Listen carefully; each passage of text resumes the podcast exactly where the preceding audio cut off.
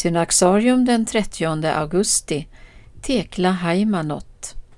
Tekla Haimanot är en av den etiopiska kyrkans mest älskade gestalter.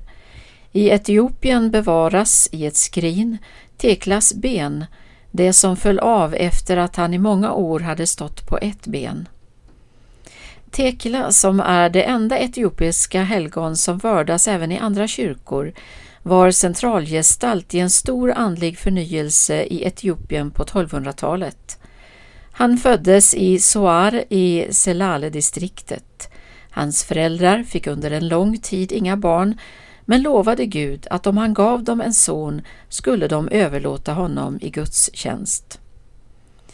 I 30-årsåldern reste Tekla norrut och inträdde i ett kloster på ön Lakehaik där han i nio år studerade under ledning av klostrets abbot.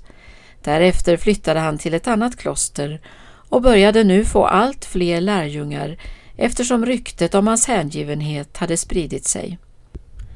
Så småningom tog han med sig lärjungarna och vandrade söderut mot sina hemtrakter där han 1284 grundade klostret Debre Atspo. Det kom att bli ett andligt centrum i hela den etiopiska kyrkan, en plats varifrån väckelsens eld spred sig över landet. Tekla levde 39 år i klostret och begravdes efter sin död år 1313 i den grotta där han hade levt som eremit. Över grottan lät kejsar Haile Selassie 1950 bygga en kyrka som blivit ett viktigt pilgrimsmål i Etiopien. Tekla Haimanot avbildas ofta stående på ett ben och med vingar.